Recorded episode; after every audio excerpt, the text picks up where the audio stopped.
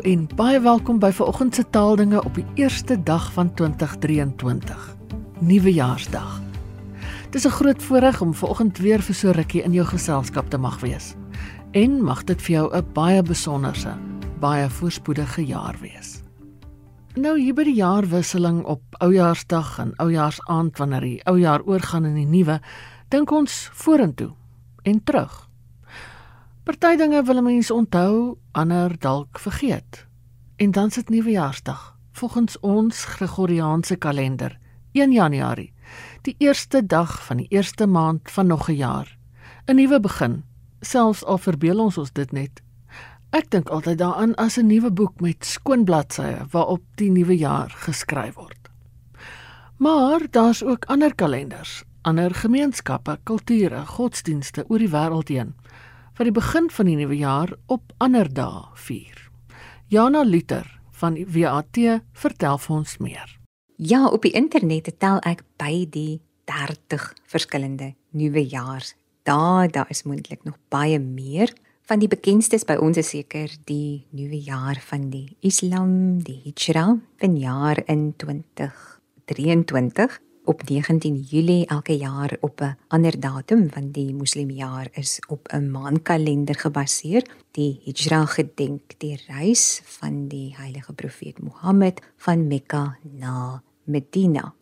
Daar is die Joodse nuwe jaar Rosh Hashanah, Rosh Hashanah uitgespreek met die klem op die laaste lettergreep die strek gewoonlik oor 2 dae in September en dan word die skepping van die aarde gevier.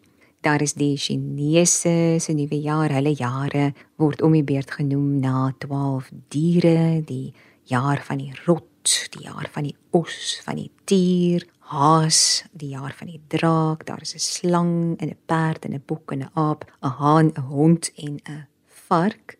2023 is die jaar van die haas. Volgens die Chinese wat ook 'n maankalender dan gebruik vir die nuwe jaar word amptelik 7 dae op sy gesit, maar altesaam die rivieringe gewoonlik meer as 2 weke. Dit begin op die Chinese oujaarsaand en duur dan tot en met 'n fees van lanterns, 'n fees van lig en hierdie lig en die belangrike rol van lig sien ons ook by Diwali die Hindoese fees van ligte. Dit is in Oktober of November 'n liggiefees met kersse en lampies oral in die huis. Dis verskillende mense, verskillende tradisies wat van kultuur tot kultuur verskil. Maar in baie opsigte stem tradisies ook ooreen, soos die fokus op donker en lig byvoorbeeld, of hoe? Inderdaad, van die maniere waarop ons vandag nuwe jaar vier, Christene Kersfees, oorbegin van al twee hierdie feeste waarvan die een en die ander oorloop. Dit lê dit vind ons terug in die noordelike halfrond by die ou ou midwinterse Joelfees. Joel J O E die fees wat gevier is lank voor die begin van ons huidige jaartelling. Nie om die geboorte van 'n kind te gedenk of om die begin te vier van 'n kalender wat toe al op 1 Januarie begin het nie maar 'n fees om te jubel om te joel oor 'n ander baie belangrike gebeurtenis in die verre noorde, naamlik die terugkeer van die son na die wintersonstilstand na die langste, donkerste, koudste nag. Op 22 Desember was die ou Germaniese viering van 'n nuwe jaar by uitstek 'n oorwinningsfees, nee, 'n fees vir en van die son wat nadat dit byna heeltemal weggekwyn het, wat verdwyn het, weer stadig begin uitswel. 'n Fees wat hoop gee omdat lig op die ou end altyd weer opnuut die donker oorwin.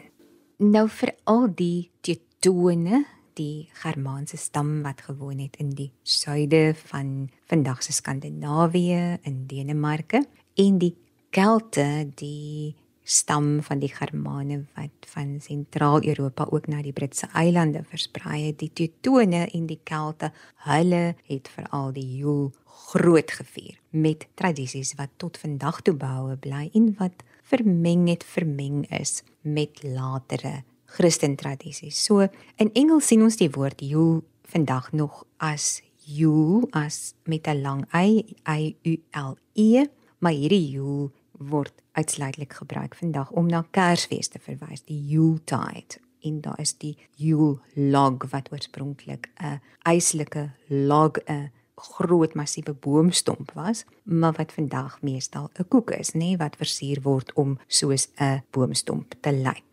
Nou die Yuletide, Yuletide definieer die WAT as die tyd of tydperk van die Julefees, die Juleblok, 'n groot houtblok wat in die Julnag en vandag nog soms op Kersaand feestelik verbrand word. En dan die Julbrood, dit was oorspronklik 'n brood wat dan van die Kersaand af vir 'n sekere tyd op die tafel bly staan het en waarvan mense en diere dan moes eet om 'n goeie oes te verseker. In IJslandse sagas word daar ook van 'n verligte boom, die Julboom, vertel. Nou wat ons sien, wat ons weet, wat ons uit die ou tyd en ou geskrifte kan lees in verband met hierdie fees en interessant ook oor die boom is dat die eerste werklik Engelse skrywer in die 8ste eeu het hy geleef. Hy het nou nie in Engels geskryf nie, maar in Latyn, soos wat destyds die gebruik was. In Engels word daar na hierdie skrywer verwys as sy naam The Venerable Bede in Afrikaans die heilige Beda. Beda was 'n Anglo-Saksiese Anglo-Saksiese monnik. Hy was 'n belangrike Bybelgeleerde van sy tyd. Ons weet ook dat hy 'n belangrike geskiedskrywer was. Nou Beda gebruik in sy geskrifte die woord Yule vir die hele periode 'n fees wat 12 dae lank aangehou het van die middel van Desember tot begin Januarie. So die fees waaraan die bekende liedjie Kersfeesliedjie ons nog herinner, né? Nee. On the first day of Christmas my true love sent to me a partridge in a pear tree. En dan word die patrys in die peerboom gevolg deur twee tortelduwe, drie Franse hennetjies, vier voëls, vyf goue ringe, ses gaanse, sewe swane, ag melkende meisies, nege wat dans, 10 huppelende kerels, 11 fluitblasers en 12 tromslaaners. En op die 13de dag, 6 Januarie, drie koninge dag, kom die drie wyses, die wyse manne dan uit die ooste, volgens oorlewering by die kindjie Jesus aan in Bethlehem wat met die einde van die Julefees saamval. Jy wou nog iets sê oor die boom? Ja, bome was belangrik. Stompe, die Julblok vir die aansteek van vreugdevure, bonfires, maar ook by ander ou rites het bome 'n rol gespeel en by die Kelte was dit veral die akkerbome of eikeboom, soos dit ook genoem word. Trouwens die naam van die ou Keltiese priesters, wyses party sê hulle was towenaars, die druides, druide of druide. Dit beteken letterlik hulle wat die boom gesien of wat die boom gevind het. In daardie boom waaraan ons moet dink was waarskynlik 'n akkerboom. So ook die Engelse mistletoe, die plant waaronder daar vandag maar dan net oor die Kerstyd gewoonlik glo 'n soen gevra of 'n soen gesteel mag word in Afrikaans die mistel mistel of voelend dit groei op appel en peerbome maar veral ook op akkerbome. So die akkerboom was van hierdie tyd die eintlike boom tot en met die 16de eeu toe my naamgenoot of van genoot die hervormer Martin Luther van 'n denneboom 'n kersboom gemaak het Ja, nou so in Engels het die betekenis van Yule dus vir nou tot net die begin daar van 'n langer uitgerekter fees om die jaarwisseling van donker na lig te vier. Maar in Afrikaans hou ons 'n somerkersfees en dan Yule en Yol ons voort. Die Afrikaanse woorde Yule en Yol, soos ons hulle vandag gebruik, is dus erfgoed uit oud-Skandinawies en Anglo-Saksies, maar waarvan die betekenis in Afrikaans verskuif en uitgebrei het soos dit vir my klink. Ja en nee. So Jolie was die Jul beslis, maar in die geval van Jolie uit Engelse Jolly vir etimologie bronne, historiese en fonetiese oorwegings aan wat daarop dui dat die oorsprong van die Engelse woord dalk elders lê. In Afrikaans ja, soos ons dit uit Nederlands geërf het, val Jul gejoel julend wel dig by die Jul blok in die WAT word hierdie woorde opgeneem as sinonieme vir vrolik, luidrugtig, woelig wees gewoonlik gesê van 'n groot groep mense bymekaar. 'n Joeler is iemand wat aan 'n joelery deelneem en hier het ons die kring dan 'n bietjie weier gemaak en uit Engels ook jolly ingevoer van daar jolly, joller of nog beter jolly en joller hier in die Kaap word dan behoorlik gejol veral wanneer die klub se tradisioneel op 2 Januarie tweede nuwe jaar dansend en singend deur ons strate loop. Maar daar's ongelukkig ook ander soorte lawaai, die soort waar joligheid sommer oorgaan in rumoer. Helaas ja, so ja, vir alles jy in die stad woon, anders as in die ou dae toe die ou jaar nog dikwels afgesluit is en die nuwe jaar dalk daarom op 'n meer gewyde manier begin het. In baie kerke word daar natuurlik steeds 'n middernagdiens gehou en met die middernagdiens gaan daar natuurlik daarom steeds die klok gelui gepaard waarmee die nuwe jaar steeds aangekondig word, die klokke wat ons steeds hoor by die nuwe jaar inlui, wat die nuwe jaar in Beier. Beier is vir my so 'n mooi woord. Kan jy dalk net vinnig iets daaroor sê? Mens spel dit met 'n e i, né, en nie 'n lang y nie. Dis 'n woord wat mens nog gereeld lees in die koerant byvoorbeeld, gedigte, boeke. Maar mense hoor dit dalk nie meer so dikwels dat mense dit sê nie, dat dit in die spreektaal gebruik word nie.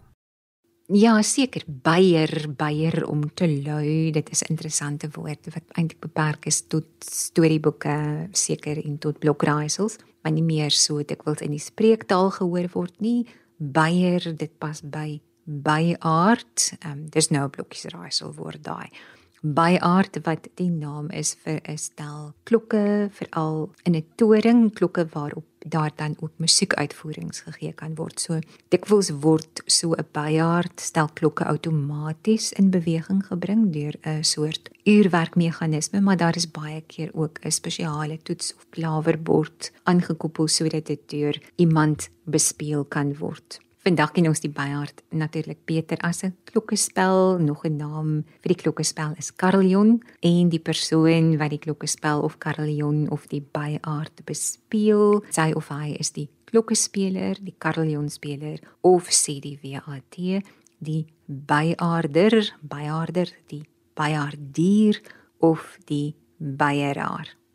'n ander simboliese doel van die klokke, klappers en vuurwerk, skote en en alles anders wat lawaai maak is dan gewoon om lawaai te maak soos die ou Germane dit gedoen het om glo bose geeste af te weer. Dit is 'n tradisie wat 'n mens by baie ander kulture ook sien. Maar van nou ja, van die ou tradisie glo ek weet ons hedendaagse middernagtelike nuwejaars lawaai makers waarskynlik maar min.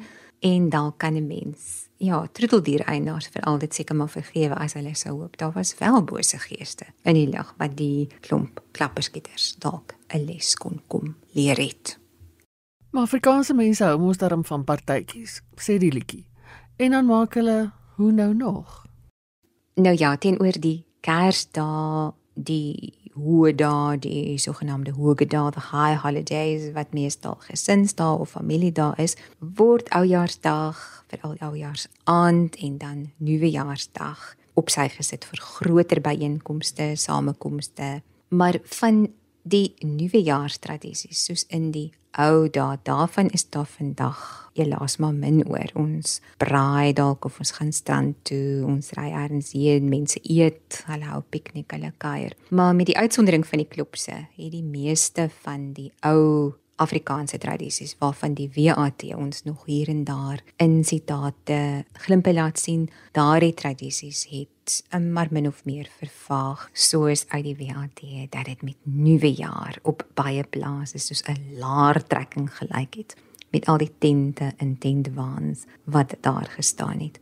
Op 'n oujaarsaand skryf Essie de Tooi in 1924 op 'n oujaarsaand swaai die jong mense lank nog nadat die oues hulle al ter ruste begewe het. In die dae voor die Tweede Vryheidsoorlog het die mense nog die vals, die polka, die mazurka, die katriel en ook die reel gedans.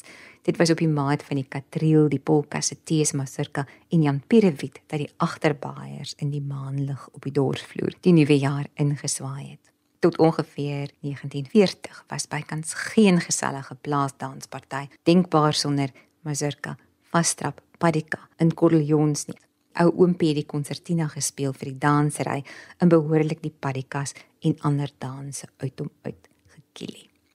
Boere musiek, dans, maar sing soos die klopse dit doen, ek twyfel. Anna Imlou verwys na die sing van tradisionele Julietliedjies maar PH Kap bevestig my vermoede wanneer hy in 1975 skryf daar is weliswaar op nuwejaarsfeeste gesing maar dit was nooit 'n spontane openbaring van 'n werklike sanglus nie. Nuwejaar is deur die boere tradisioneel op een van twee maniere gevier. Of as 'n familiegeleentheid gekenmerk deur 'n groot feesmaal of in die buitelug as 'n piknik of sportdag. Van die ete op Nuwejaarsdag gelees ons in die WAT dat dit 'n fees was van oontgebakte vleis en pastei, geelrys en rosyne, beetslaai, sousbone. Hiervoor het 'n groot bord gestaan opgestapel met soetkoekies en klinkers en mosbolletjies en ander lekkernye wat vir die nuwe jaar voorberei is. Lemoenstroop en gemmerbier.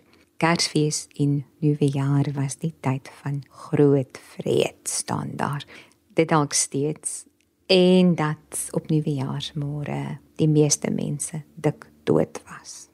So 'n bietjie sport sou dis wel nodig kon wees. Nog 'n laaste paar sitate uit die WAT.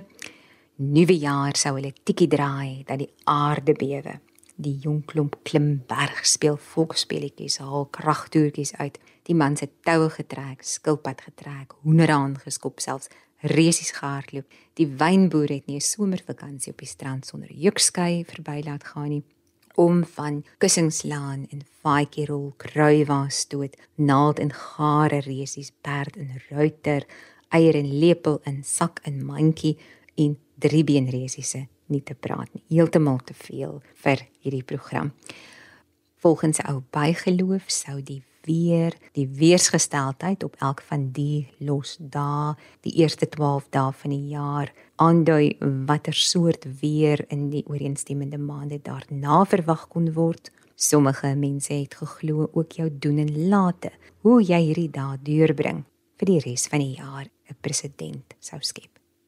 Daar is nie verniet 'n spreekwoord wat sê nie, vir kort jou lyd 'n lang verwyd. Hoe jy 2023 ook al benader, mag dit vir jou 'n ligte jaar vol lig wees. Baie dankie Jana. Dit was Jana Luther van die WAT en daarmee groet ek ook. Ek hoop jy kan hierdie nuwejaarsdag met vreugde en vrolikheid deurbring saam met vriende en familie, maar RSG hou jou ook oudergewoonte heeldag en heel jaar geselskap. Bly veilig, bly gesond en van my Ina Strydom groete tot 'n volgende keer.